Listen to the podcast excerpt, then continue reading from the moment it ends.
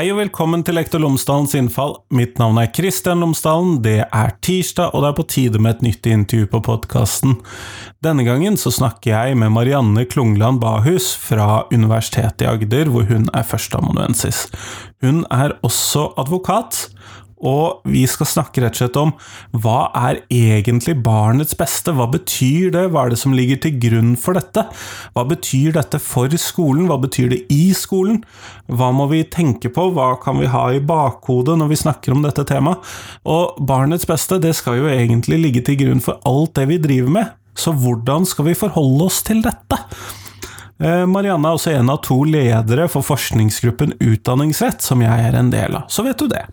Men som alltid så er podkasten sponset av Cappelen om utdanning, og hvis du går inn på skolen.cdu.no, så finner du alle de ressursene, oppleggene, oppgavene osv. som Cappelen om utdanning har laget i forbindelse med fagfornyelsen i grunnskolen. Dette er da ressurser til alle temaer, fag, tverrfaglige emner, alle årstrinn, Alt sammen finner du der. Så er det mulig at du allerede har tilgang til dette gjennom noen avtaler kommunen eller fylkeskommunen din eller arbeidsgiveren din ellers uh, har, men hvis ikke så finnes det sånne prøveordninger sånn at du får testet det ut. Men i hvert fall, det finner du på skolen.cdu.no. Men nå, nå får du Marianne Klungland Bahus. Hei, hei.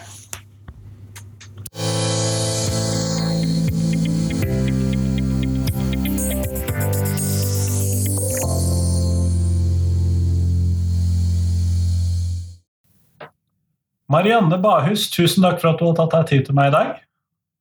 Det er hyggelig å få lov å komme. Før vi starter med selve intervjuet, så hadde jeg håpet at du kunne fortelle lytterne mine tre ting om deg selv, sånn at de kan få bli litt bedre kjent med deg. Ja, tre ting. Ehm, jeg er mor til to tenåringer. Altså, jeg er gift med Vegard. Det er vel det som er basisen i, om meg. Jeg er jurist. Jeg var ferdig utdanna i 2000. Jeg begynte å jobbe i 2001. Eh, Jobba som advokat det meste av livet mitt i 17 år. Og så har jeg vært på universitetet siden høsten 2017 som førsteamanuensis. Jeg hadde en doktorgrad i helserett. Nettopp. Eh, og dette er veldig bra. Og vi skal ta også diskutere barnets beste i dag, og da lurer jeg jo litt på først og fremst hva er barnets beste? Ja, det, det er et veldig stort spørsmål. Jeg skulle ønske jeg kunne si det er. Og så komme med en sånn fasit som var veldig sånn lett å fange. Eh, hvis jeg skal prøve å korte det ned, så er det en konkret vurdering knytta til det eller de barna som er berørt, hvor man får fram sagens, altså får fram faktum i saken og ser hvilke momenter må inn eh, i denne saken for å komme fram til hva som er barnets beste. Og veldig mange ganger så er det sånn at en har en, en følelse hva som er barns beste. Og for de som er foreldre, så er de ganske sånn trygge på ja, nei, det er best for mitt barn å gjøre det eller det. Eh, og så, så, kjenner vi god følelse med det, men, men, egentlig så gjør vi ikke det vi strengt tatt burde gjort. Iallfall ikke i en sånn mer formell kontekst da, som skolen en statlig, kommunal kontekst. Eh, at vi setter oss ned og så ser vi på hvilke elementer bør gå inn i denne vurderinga. Hvordan skal vi vekte de mot hverandre?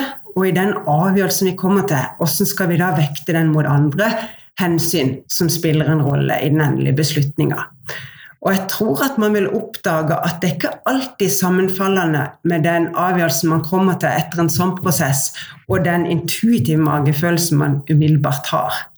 For jeg tror jo at de aller fleste som jobber med barn, de prøver virkelig å ta beslutninger til barnets eller barnas beste.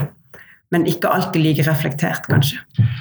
Nei, og jeg må jo innrømme det at jeg har hørt setningen eller ordstillingen 'barnets beste', og at man skal jobbe ut ifra det. Det har jeg hørt før. Men um, jeg har ikke hørt noe om hvordan jeg kan gjøre denne vurderingen, eller hva som skulle være til barnets beste. Det tror jeg ikke jeg har lært om på eh, min lærerutdanning, i hvert fall. Nei, og det er jo som det beskrives i litteraturen, bl.a. av Kirsten Sandberg, som har ledet FNs barnekomité, at det, det, er fleksibelt og dynamisk begrep. Og det er klart at sånn som i dag, så vet vi mye mer om barn og hva som er bra for barn på grunnlag av forskning enn det vi visste når, når Barnekonvensjonen kom for over 30 år siden. Altså, og, og, det gjør jo det gode med at det er fleksibelt og dynamisk. Man kan tilpasse det utviklinga, man må ikke finne et nytt begrep. Eh, og, og, og, ta inn ny kunnskap i det, og man kan bruke det på, på, alle områder ved at det er fleksibelt. Det passer ikke, det er ikke bare i skole eller det er ikke bare i helse. Det, det, det er anvendbart i alle handlinger som berører barn. Og det har jo et veldig klart rettslig grunnlag. Eh, vi har jo da ratifisert Barnekonvensjonen. Eh, og i mange år så har vi hatt et presensjonsprinsipp som sier at Norge skal handle i samsvar med de forpliktelsene vi har etter internasjonale konvensjoner. Eh, og så ble Barnekonvensjonen inntatt som norsk lov gjennom menneskerettsloven i 2003. Og da ble han ikke bare gjort til gjeldende norsk rett, men han ble også gitt forrang hvis det er motstrid med nasjonal rett. Sånn at vi gjerne vil tolke nasjonal rett i samsvar med Barnekonvensjonen. Og i 2014 så fikk vi en sånn ytterligere styrking ved at eh, barnets beste, veldig likt formulert sånn det står i Barnekonvensjonens artikkel 3, ble tatt inn i Grunnlovens eh, 100, paragraf 104 i annet avsnitt, i annet ledd der. Så, så, det er et prinsipp med en veldig solid rettslig forankring i norsk rett. Men det er ikke noe automatikk i det til at en lærer eller en rektor eller eh, annen ansatt i skolen vet hvordan man skal bruke det i praksis. da.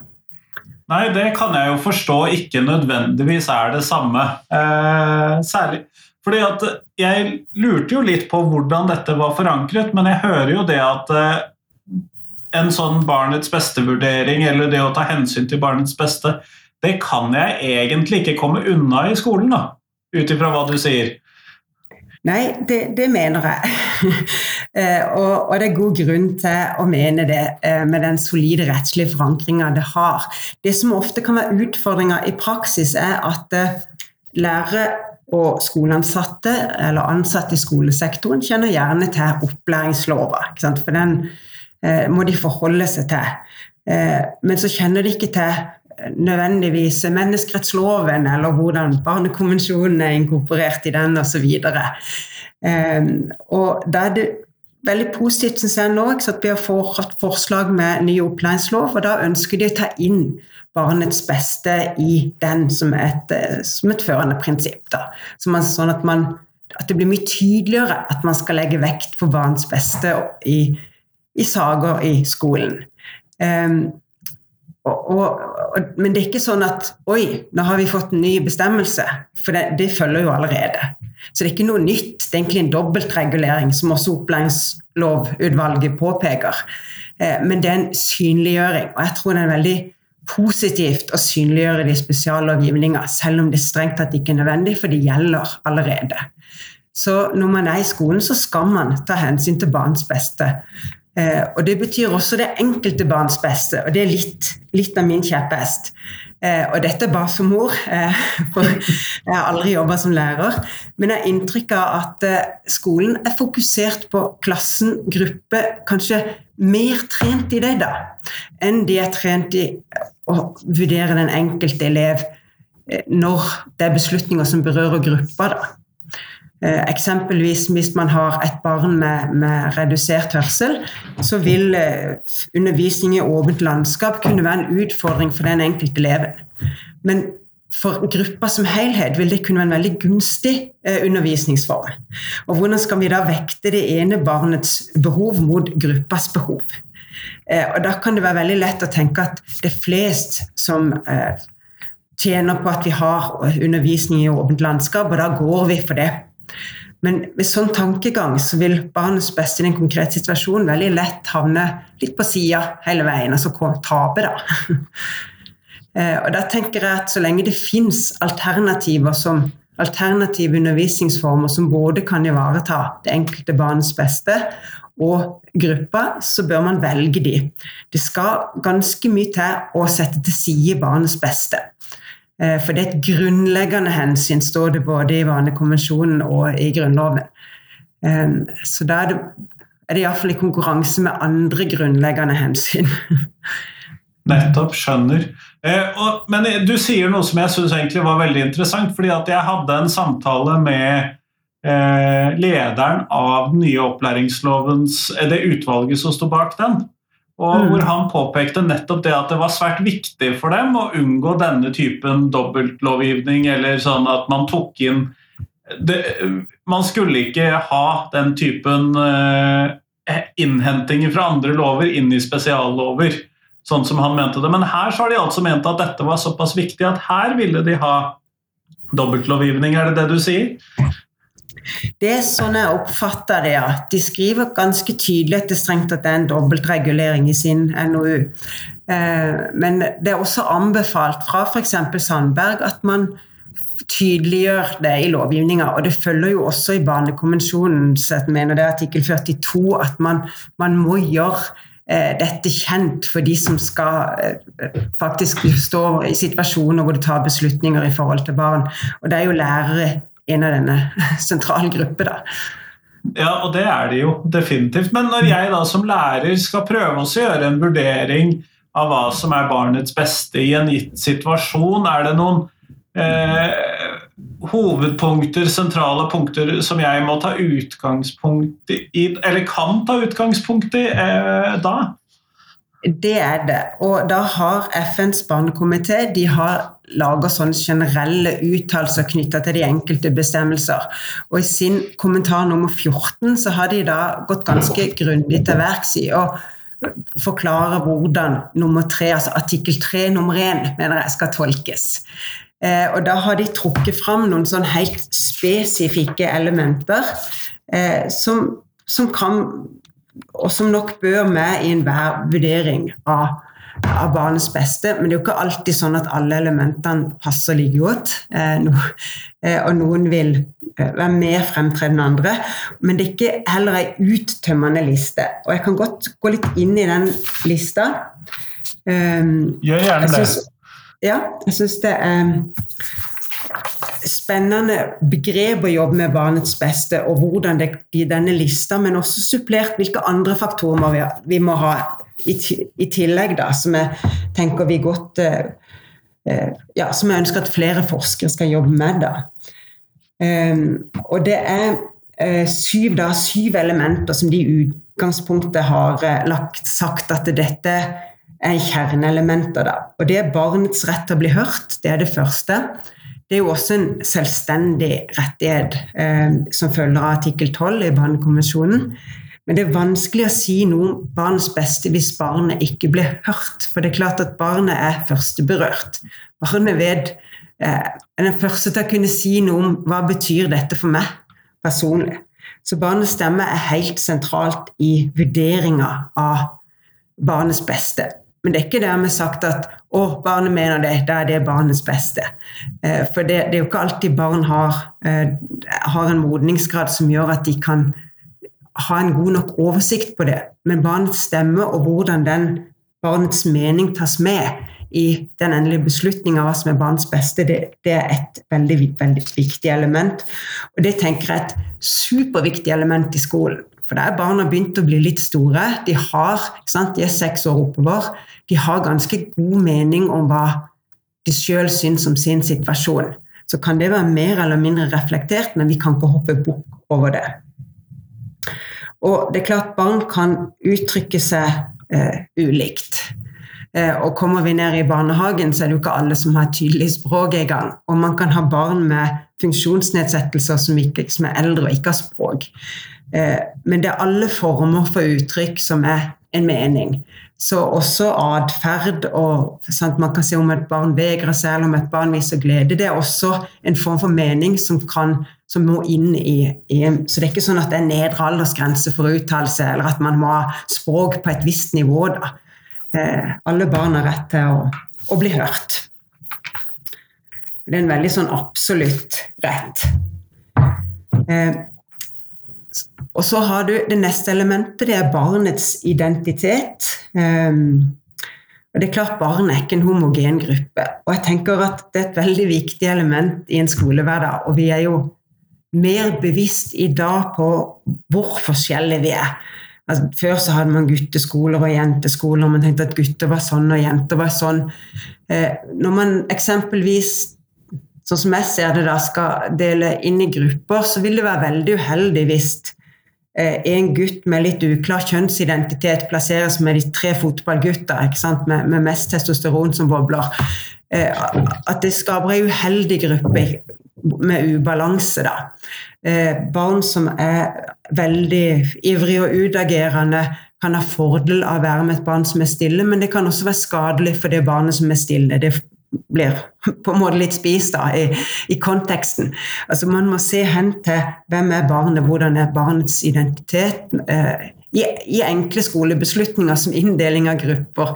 Ikke bare i gymsal, men også hvem man skal jobbe sammen med. Eh, hvis man skal tenke det inn i skolen, da, som her. Så har du barnets familiesituasjon. Det er et tredje element. Ehm, det tenker jeg kan ha betydning i en skolekontekst ved at vi bl.a. har eh, mange nye familieformer med mine barn og dine barn og våre barn. Eh, det kan være familiekonflikter. Eh, og at ikke skolen gjør det vanskeligere for barna å stå i denne konteksten at det glemmer gymtøy, for det var hos mor, og nå har det vært hos far. At beskjeder gis på en måte som gjør at ikke hvem som har fått beskjed, blir en del av konflikten mellom foreldre kan jeg si litt som eh, skilsmisseadvokat i mange år, at det, det, er jo ofte barna som taper på splitta hjem, da, med beskjeder, med lekser, med gymtøy og nister og ting som skal være med til skoleutflukter osv. Og, og særlig med digitale hjelpemidler og kommunikasjonskanaler og sånn, så burde jo den type konflikter være ganske unødvendige i denne Det burde være mulig ja. å levere beskjeder til alle, da. Ja, så det burde det. Vi har veldig mange måter å kommunisere på, men det krever jo en bevissthet. ikke sant? At, eh, at skolen da gjør det beste for at, eh, at, barn også har det eh, best mulig i forhold til den relasjonen. At ikke det blir en ekstra belastning skolen i forhold til en eventuelt pågående konflikt mellom foreldre. Da. Det fjerde elementet jeg skal si noe om, det er barn som barnekomiteen da har lista opp. Eh, og som bør inngå en barnets beste-vurdering, det er barnets behov for omsorg, beskyttelse og sikkerhet. Eh, og så kan man tenke sånn umiddelbart at jo, men det passer jo ikke så godt i en skolekontekst. Men en skolehverdag kan være ganske utrygg eh, hvis man blir mobba, hvis man ikke blir sett. Man har krav på å oppleve fravær av fysisk og psykisk vold på skolen. Dessverre er det jo mange barn som allikevel opplever det man har krav på et, et, et tilbud som, som, gjør at man kjenner man har det godt på skolen og får utvikle seg. Man blir sett og anerkjent av læreren. Eh, ivaretatt, rett og slett. Beskytta. Eh, og det fører oss over til eh, det femte elementet, som er barnets sårbarhetssituasjon. Og det er klart Begrepet sårbar er veldig sånn brukt på en måte. Eh, samtidig så, så, kan det ha gi en veldig god mening eh, i relasjon til skoler. For det første så kan man tenke seg at barn som har en diagnose, eh, automatisk er mer sårbare. Barn med Downs syndrom, barn med nedsatt hørsel. Det skal ikke så mye funksjonshemning til før barnet er eksponert for mobbing. Barn med uttaleproblemer, eh, som opplever at andre barn pirker på uttalen deres barn som da ikke hører så godt, eh, opplever at beskjeder blir gitt, de får det ikke med seg, eh, osv. Dette er barn som, som hyppigere blir mobba. Ofte. Og ut ifra hva jeg har hørt, jeg har ikke tall å vise til, men det skal ikke så mye til før et barn blir sårbart. Da. Det, er ikke, det er ikke nødvendigvis de store, store, tingene. Det kan være nok at foreldrene har skilt lag, eller at de har flytta, kan ha opplevd et dødsfall.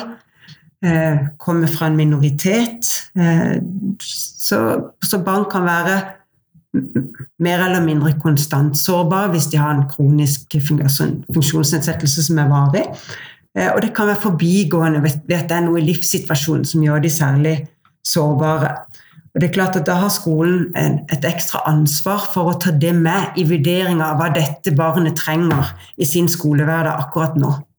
Det høres ut som dette veldig fort kan komme inn under type eh, kapittel 9A-saker og den typen Mm. At det veldig fort er en sammenheng her mellom barnets beste og 9A. da. Ja, det kan du absolutt si. Og det gjelder jo også dette elementet med at barnet skal ha behov for beskyttelse og, og, og sikkerhet. Altså det skal ha en god og trygg skolehverdag. Eh, og, og, blir du mobba, så er du sårbar. Eh, og, og i 9A så har vi jo allerede eh, barnets beste nevnt i det kapitlet i den nåværende opplæringsloven. Nettopp det sjette elementet, da, siden jeg avbrøt deg, så skal jeg si hvilket nummer du var kommet til. ja, det, eh, det, er barnets rett til helse. Eh, og det er klart Barnets rett til helse kan bety noe annet i en skolesammenheng enn de gjør i en sykehuskontekst. Eh, og er, I en skolesammenheng så er det gjerne det å få undervisning, eh, som er nevnt. Eh, at eh, lærer ivareta egen helse, kosthold, prevensjonsveiledning osv.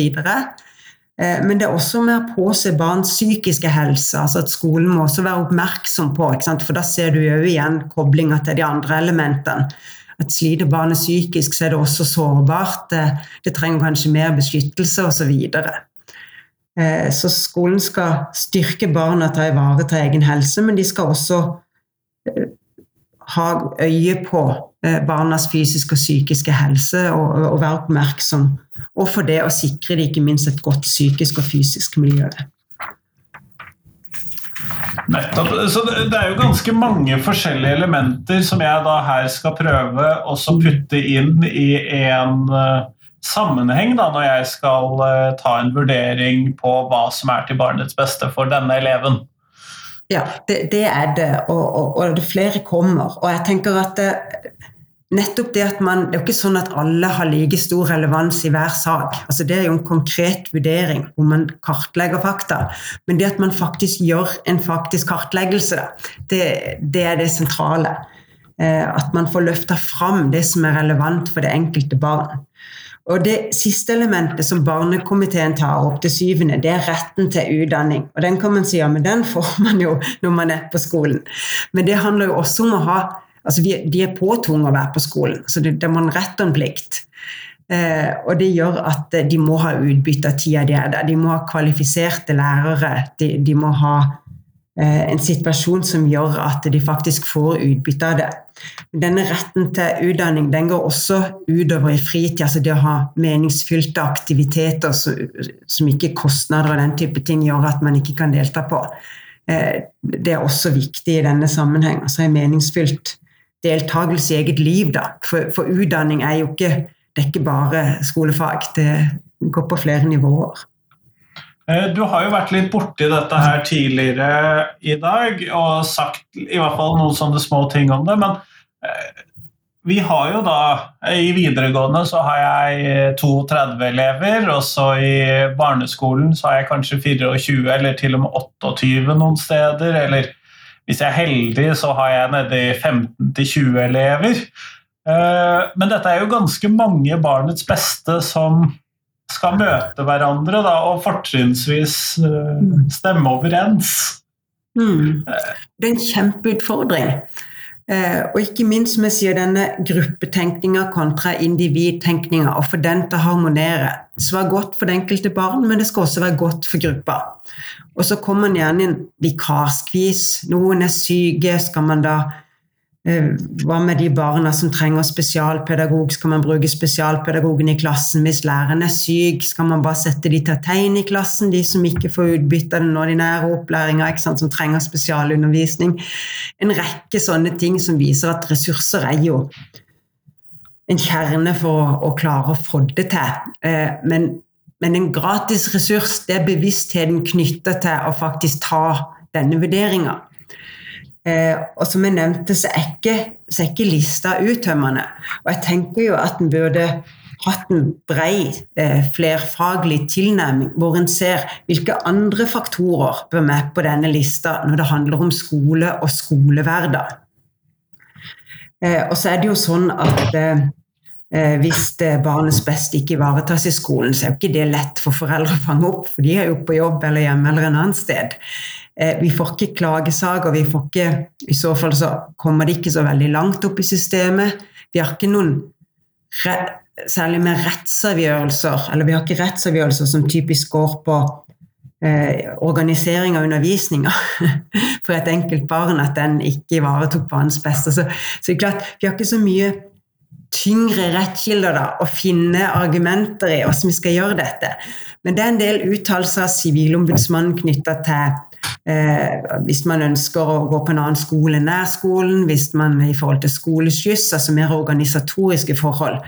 Eh, og der går Sivilombudet, som det nå heter, ganske grundig til verks i at her må barns beste virkelig kartlegges. Og det tenker jeg det har overføringsverdi inn i skolen. Eh, og jeg syns også at det her med eh, formålet med å, å, gå på skolen, altså det å få ei framtid er viktig når en skal se på, på, på, hvilke kriterier, altså hvilke elementer man bør legge til denne lista til, til Barnekomiteen. Og sånn som barnets ressurser og fremtidsmuligheter tenker jeg her er sentralt. Eh, for en må se at barn er ulike. Evnene er ulike. Noen er flinke i matte, noen i språk, noen i musikk, noen i kunstfag. Bruk ressursene til barnet når de skal når læring skal gis, for å, å, å, gi barnet glede ved læring. Eh, og når barns beste skal vurderes, så må en se på barns ressurser, ikke på bare på barns utfordringer. En faller lett i denne utfordringsgruppa. Denne eleven sliter med A, B og C og, og, og, mange flere bokstaver. Men så har dette barnet masse ressurser òg, og det tenker jeg bør med i vurderinga og, være, og ressurser bredt tenkt. Er det sterkt sosialt? Altså hva, det, når, hva mestrer det? Det, det, kan være flink på så mange områder som kan brukes inn i en vurdering av hva er best for dette barnet. Og så tenker jeg jo at det er viktig å ha et lengre perspektiv. Um, for hvis et barn er alvorlig sykt, eh, det går på skole allikevel, men da forventer kanskje en levealder til slutten av tenårene, begynnelsen av 20-årene, så er det jo bedre å legge opp eh, en læreplan, en læring som sikrer best mulig livskvalitet til det barnet den tida det får. Eh, så blir jo løpet litt annerledes hvis en har et barn som har absolutt betydelige utfordringer, men målet er å få de jobb, iallfall delvis, med et fagbrev, så må man legge et annet løp. ikke sant? For målene er ulike, fremtidsperspektivene er ulike. Og Det tenker jeg òg hører hjemme i en barns beste-vurdering i skolen. Eh, og antagelig mange flere elementer. Eh, men jeg tenker at det må det jobbes tverrfaglig med. Hva bør og det vil jo selvfølgelig være igjen den konkrete individuelle vurdering. ja, og jeg hører jo da, eh, fordi at For min del så er dette litt utfordrende i den forstand at eh, jeg kan Jeg oppfatter det som at det viktigste er kanskje at jeg blir bevisst på at dette er noe jeg må tenke på og jobbe gjennom, mer enn bare sånn en kjapp, overfladisk vurdering og ta det på intuisjonen. Mm. Og jeg er nødt til å gjøre det for, egentlig for alle elevene mine. Men dette her med mm. fremtidsutsiktene, altså hva er det som er målet for denne eleven eller denne familien eller dette At det også da kan At vi må se litt sånn langt frem i tid. Det gir meg i hvert fall en knagg å henge dette på og prøve å forstå dette. da. Mm, mm. Tror jeg. Hvis jeg skal prøve å se på det praktisk som lærer, altså det eh, Er det et mål at eleven skal styrke det sosiale? Og den vurderingen har jeg vært med å ta ganske mange ganger. Skal vi fokusere på det faglige, eller skal vi fokusere på det sosiale? Eh, som jeg nå skjønner at kanskje var en del av dette. ja, for det er liksom bevisstgjøring. Jeg tror det gjøres ganske mange barnets beste vurderinger ubevisst. Men, men idet man gjør det bevisst, så setter man seg ned og så sier han hvilket faktum skal inngå her. Og så kan man godt ta utgangspunkt, eller man bør ta utgangspunkt i denne lista til barnekomiteen. Og så bør man virkelig løfte godt på de elementene som man ser at her treffer de, her er de viktige. Så er det kanskje fire elementer som viktigere enn de tre siste. Da. Eh, og så ser man i tillegg så er det fem elementer til som er sentralt for dette barnet. Eh, og så må man på en måte harmonisere disse elementene og trekke en konklusjon. Hva er barnets beste? Og så sitter man med en beslutning. Men så er det også andre hensyn da, som kommer inn og går på tvers av dette barns beste, som typisk kan være klassens, gruppens, skolens økonomi etc. Så kan det være mange hensyn som kommer inn. Eh, og da skal barns beste være et grunnleggende hensyn. Eh, så hvis man velger å ta, komme, altså, ta en beslutning i strid med barns beste, så må det begrunnes. Ja, eh, Men er, er det godt nok at det er skolens økonomi som er begrunnelsen? Nei. det, det, er ikke, det, er ikke, godt nok. Eh, det er klart at, at kommuner har eh, økonomisk handlerom. Eh, men de skal, de skal, etterleve loven. De kan ikke organisere en skole som ikke følger de krav som er lovpålagt. Altså hvis det, ja, man kan f.eks. ikke ha så dårlig bemanning at ikke de Eh, at ikke elever lærer, eller at man ikke klarer å følge opp elever som blir mobba etc. Eh, nei, jeg hører jo at ja, Unnskyld.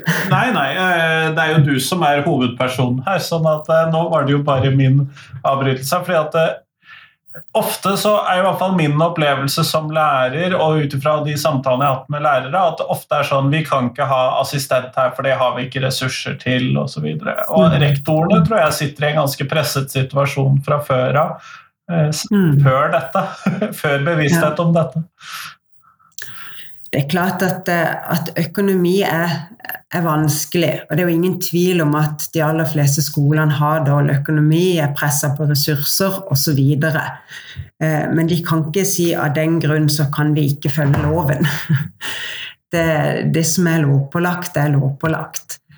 Eh, så man kan ikke si at vi har ikke kapasitet til å ta en barnets beste vurdering. Og, og, og så må man få det til innenfor de rammene som er der veldig ofte. Men det handler jo også om å eh, tilkjennegi hvilke behov som er der og ikke tilfredsstilt. For det er jo klart at eh, vi så det jo veldig godt når pandemien var en realitet og skoler ble senkt ned av barnehaver. Eh, og alle disse elevene med spesialundervisning som plutselig måtte, som var, normalt var undervist samla for å spare ressurser, og så satt hver av de i sitt hjem og skulle ha undervisning digitalt. Eh, og det, gikk, det var nok eh, mange tapte spesialundervisningstimer som sannsynligvis aldri er registrert noe sted, som, som, forsvant den våren 2020. Og det er ikke barnets beste. Da, hvis man ikke foretar en barnets beste og ikke roper ut, så vil man heller aldri få organisert det med nok ressurser til å kunne eh, gjøre det som man bør gjøre det. Men hvis jeg nå eh, som forelder opplever at skolen ikke tar barnets beste på alvor inn i den situasjonen mitt barn er i, eh, mm. hvor henvender jeg meg da? Det er jo kanskje det neste spørsmålet som i praksis her. Man klager til statsforvalteren. Eh, og det er nok med litt Altså sånn, det, og det er det som gjør det så upraktisk på en måte i skolen, disse klageordningene. Det er tidsperspektivet. For så klager man, og så får man en frist til å uttale seg hos motparten, og så gjør de kanskje en justering i et vedtak som du da har klagd på, ikke sant? for det blir fattet et vedtak som du klager på. Eh, og så går det tre uker i hver ende ikke sant, til å uttale seg, og så eh, går skoleåret. Mens løsninger trenger man der og da. Eh, og når det gjelder bare konkrete barnets beste-vurderinger i en skoledag foretatt av en lærer, eh, så blir jo den beslutninga tatt gjennomført veldig tett i tid. Så det lar seg jo ikke reparere. Eh, så dette påhviler i stor grad de som jobber i skolen, at de klarer å gjennomføre det på en god måte. Det er jo mye lettere å klage på vedtak som skoleskyss og valg av skole og sånn, som vi ser kommer til, fra, altså, til statsforvaltere videre til sivilombudene, ikke man er enig i statsforvalterens beslutning. Eh, sjelden gang så havner også eh, Jeg har vel sett én lagmannsrettsavgjørelse knytta til Eh, det var vel utsatt skolestart, men det må du ta med en klype salt. Det må jeg sjekke. Det skal jeg ta med en klype salt. Men vi går mot slutten Mm. av årets eh, intervju. Jeg satser på at det blir flere med tanke på temaene du tar opp. sånn at eh, det, Men hva er det du tenker er de tre viktigste tingene som skolen lærer elevene? Det er jo mitt faste spørsmål. Ja, altså skolen har en så sykt viktig oppgave, så jeg tenker det er utrolig mye mer enn bare tre.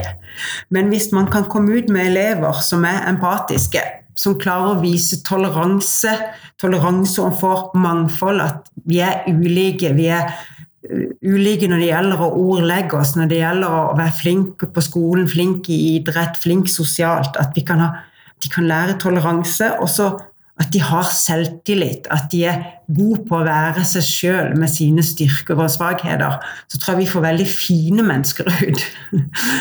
Eh, Så det ønsker jeg. Og så, hvis jeg får lov å legge til noe mer, så ønsker jeg at man har mer bevissthet knytta til hvordan en barns beste vurdering skal gjøres både for enkeltelever og for barn som gruppe. Eh, At lærere kurses i dette. Eh, At kommuner og fylkeskommuner er bevisst ansvaret sitt som skoleeier, at dette må vi gjøre, og at statsforvalteren veileder og fører aktivt tilsyn i forhold til det. For det er mye mer effektivt enn at foreldre skal prøve å henge med i svingen hva som skjer på en skoledag, og prøve å klage til rektor og kanskje få et dårlig forhold til skolen. Da. For det er jo et sånn skole-hjem-samarbeid som kan bli litt slitent av det. Det er jo det. Det- har jeg hørt om før, for å si det sånn.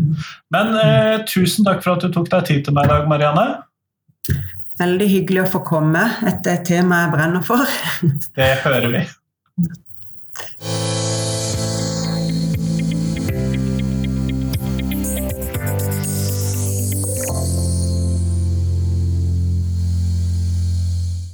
Tusen takk til Marianne, og tusen takk til deg som har hørt på.